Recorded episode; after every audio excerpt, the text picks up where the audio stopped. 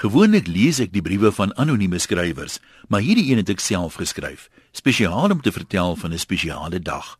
Die Pionierskool op Woester bied jaarliks 'n tydren aan met siggestremde navigators wat die roeteaanwysings in brail kry en bekend is as hulle bestuurders.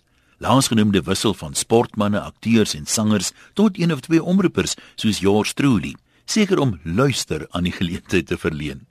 Terloops, al die siggestremde mense wat ek al ontmoet het, praat van ons blindes.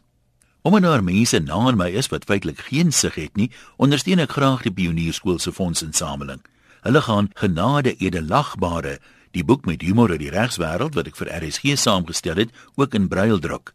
Vanjaar was my vierde tydren en dit vang my steeds.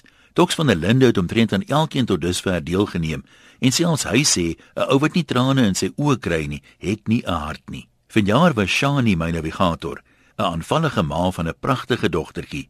Ons het land en sand gelag en gesels en het die aand na die afsluitingsdiner soos ou vriende gegroet. Elke jaar ervaar ek presies dieselfde ding.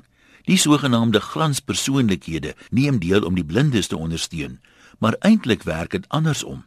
As jy vooraf met die bekendes gesels, hoor jy dinge soos hoe swaar dit in die bedryf gaan. Daar's min werk vir akteurs en minder mense kan bekostig om kaartjies vir konserte of CD's te koop. As jy egter met die blindes praat, hoor jy geen klagtes nie. Dis net glimlagte waar jy kyk. Hoekom kla hierdie mense byna nooit nie? Het hulle dan minder rede om te kla as mense wat kan sien? Dit maak mos nie sin nie. Ek het iewers gelees, die grootste verskil tussen gelukkige en ongelukkige mense is dat ongelukkige mense fokus op dit wat hulle nie het nie, terwyl gelukkige mense fokus op dit wat hulle wel het, al is dit min en dankbaar is daarvoor. Dalk is dit die rede. Dis natuurlik 'n vrywillige keuse wat elkeen van ons kan maak. Dis hoekom ek sê die glansmense leer elke jaar soveel by die blindes. Almal verlaat Woester met 'n ligter hart en meer lewensvreugde. Hoe lank dit hou, weet ek nie. Die kermderm se oormag en getalle is so groot dat hulle spoedig weer jou lewe versuur. Maar wat ek wel weet, is dat omtrent almal wat deelgeneem het, reeds die datum van volgende jaar se tydren in hulle dagboeke aangeteken het.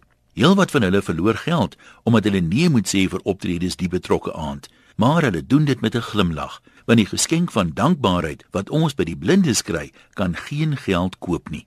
Soos een van die bekendes dit gestel het, Dit lyk my mense wie se sig gestrem is, se siele maak op daarvoor. Groete van oor tot oor en hart tot hart. 1